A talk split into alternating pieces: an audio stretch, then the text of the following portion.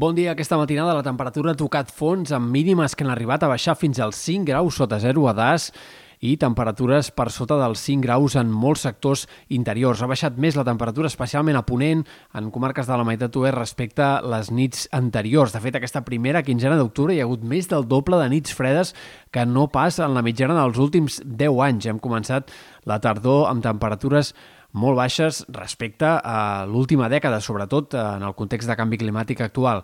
Pel que fa al cap de setmana, la previsió és que les nits continuïn sent fredes, no tan segurament com aquesta darrera matinada, però seguirem parlant de valors baixos per l'època de nit i a primera hora, i els migdies seran cada cop, això sí, més agradables, especialment el de diumenge, en què ja se superaran amb més facilitat els 20 graus. De fet, la setmana vinent hi haurà un canvi brusc pel que fa als termòmetres, una entrada d'aire càlid farà pujar la temperatura entre 7 i 12 graus a partir de dimarts i sobretot de cara a mitjans de la setmana. Especialment pujaran les temperatures nocturnes, per tant, el fred no s'acabarà d'instal·lar.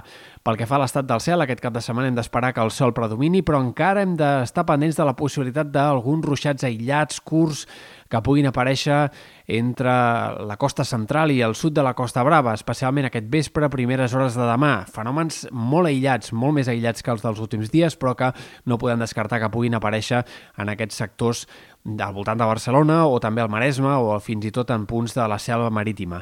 En tot cas, en general, el cap de setmana serà de predomini del sol, més enllà d'aquestes nublades que puguin aparèixer al llarg d'aquesta tarda, vespre i primeres hores de demà, i demà, en tot cas, amb alguns núvols prims a causa del pas d'un front que com a molt enterbolirà el cel. La setmana vinent esperem una altra borrasca activa entre dimarts i dimecres que sobretot afectarà el vessant sud del Pirineu.